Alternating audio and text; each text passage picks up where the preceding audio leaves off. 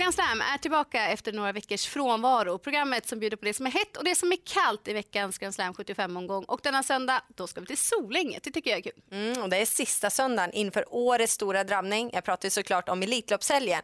Det är inga Elitloppshästar med på söndag, men ändå väldigt bra kvalitet på hästarna, för det handlar om British Crown-uttagningar. Precis, fyra lopp inom Grand Slam 75-omgången. Och man bör tänka på det att man såklart gärna vill vinna loppet, för det är 110 000 i första pris. Men det viktigaste är trots allt att vara topp fyra placerad så man tar sig vidare till semifinaler. Och det kan ju påverka kuskarnas taktik, det bör man ha med sig.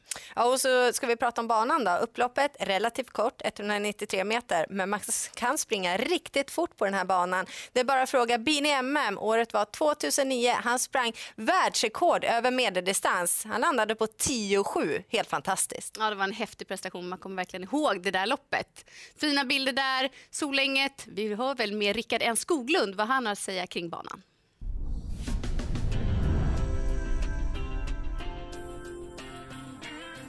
Vi gör en liten bankoll med Rickard Skoglund. Det passar ju väldigt bra för du har ju varit champion just på Solänget, Rickard. Det stämmer, det var några år sedan men det har hänt.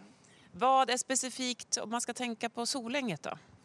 Det är väl inte, inte jättemycket tycker jag, men det är väl lite grann att det är lite kortare rakare så att det är inte någon jättefördel tycker jag i alla fall att ha spår 1 bakom bilen. Att det kan vara lite så att man, man kan komma till också bättre mitt i banan bakom bilen.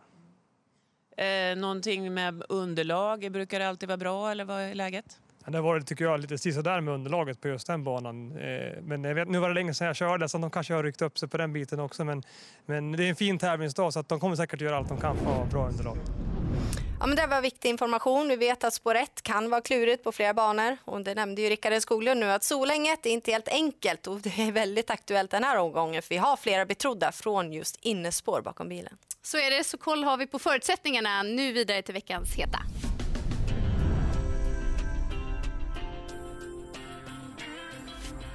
Daniel Wäjersten han har verkligen riktigt bra form på stallet. Sju segrar har det blivit på de tio senaste starterna. Och I den första avdelningen så tror jag mycket på favoriten 6 Esprit Sisu som kommer tillbaka efter tre månaders träningsperiod. Det låter inte som att det är någon toppform, men han har så pass hög lägstanivå, möter lämpligt motstånd och dessutom är han ju anmäld barfota runt, vilket är ett klart plus. Lägg också till att han har ju spår invändigt om värsta motståndaren Manjo väljer VF, så visst borde han komma till ledningen och då blir han svårslagen. jag fortsätter väl på Daniel Wäjersten-spåret med tanke på stallformen. I den andra avdelningen så har han nummer åtta Jurista. Ja, hon har verkligen inget roligt läge, men årsdebuten är avklarad och jag gillade det jag såg. Vi ser ju här att hon blir lämnad av till exempel Heartbeat Thunder, men det är inget att säga om. Han har ju varit ute och vunnit V75 efter det och den här gången möter hon endast ston. Så löser det sig bara någorlunda under vägen, då tror jag hon blir farlig. Och så gör Björn Goop långresan till Solänget. Ja, vi kan väl inte riktigt jämföra hans siffror med Daniel Wäjersten, men stallet håller ändå fin form. Segrarna de trillade in i jämn takt och han vann ju faktiskt V75 förra helgen. Och vi pratar om eh, nummer fyra, Gloire Pir i den fjärde avdelningen. Han glänste verkligen inte senast, men nu är det hans förutsättningar. För vi ser här, näst senast så är han snabb bakom bilen, han trivs i ledningen och då tog han en enkel spetsseger. Därför är det hans förutsättningar den här gången med tanke på att han har ett bra läge och är inne på spets och slut igen. Mm, ett fint lopp som avslutar och där tror jag mest på nummer 6 Night Art och Robert Berg. Hästen har inte vunnit lopp sedan juli i fjol men nu tycker jag verkligen han ser ut att vara på gång för dagen. Några lopp i kroppen och senast då laddade han på en 12-tid i volt trots att han då fick jaga 40 meters tillägg. Uppgiften var tuff, den här gången mer passande förutsättningar. Jag tror att han kan köra sig tidigt till ledningen och i den positionen ja, då är han obesegrad efter fem försök. Nu har vi pratat om Daniel Wäjersten, Robert Berg, Björn Goop, men vi har ju missat veckans profil. vi har ju det. Jörgen Westholm som kommer med en spännande trio, framför allt årsdebuterande Queen Belina. Och så här säger han.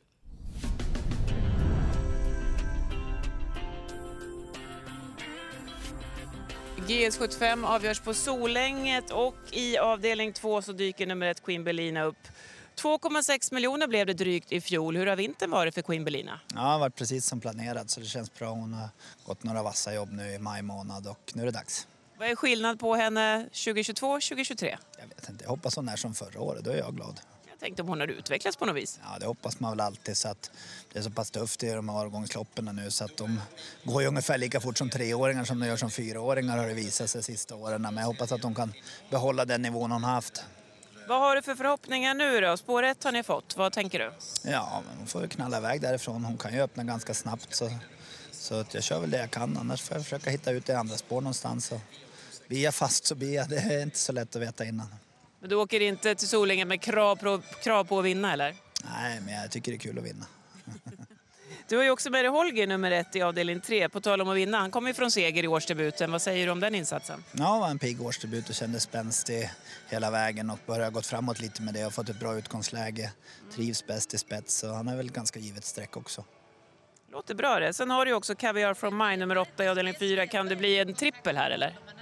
Nej, han är lite grön i det. Du har rätt så bra hästar i det där loppet också men det är en häst under bra utveckling men just på söndag ligger jag lite lågt.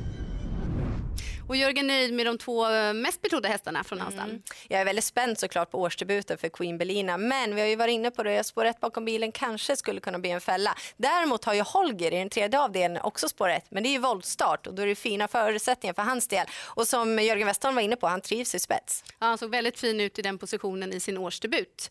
Nu går vi vidare i programmet till veckans kalla.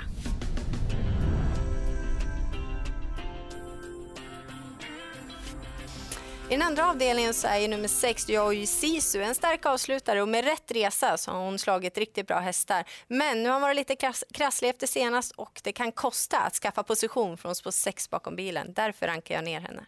Och går vi till den femte avdelningen så är ju nummer fyra Ragnhild VM kapabel för klassen men inte att lita på. Sju galopper har det blivit på 19 starter.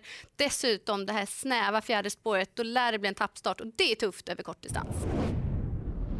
Dags att runda av programmet och det är ju fina tävlingar vi bjuds på på söndag. Om du får plocka fram en måste-häst som du tror lite extra på. Då väljer jag ändå fyra Gloire d'Empire i den fjärde avdelningen. Han har sina förutsättningar med spetsläge. Och jag har ju svårt att se nummer sex Esprit Sisu i inledningen förlora. Stallformen sitter där och han är för bra för det här loppet. Mm, och ha i åtanke nu att det är annorlunda förutsättningar med fyra British Crown-uttagningar. Stort lycka till om ni tar chansen på Grand Slam 75 på söndag så ses vi om två veckor igen.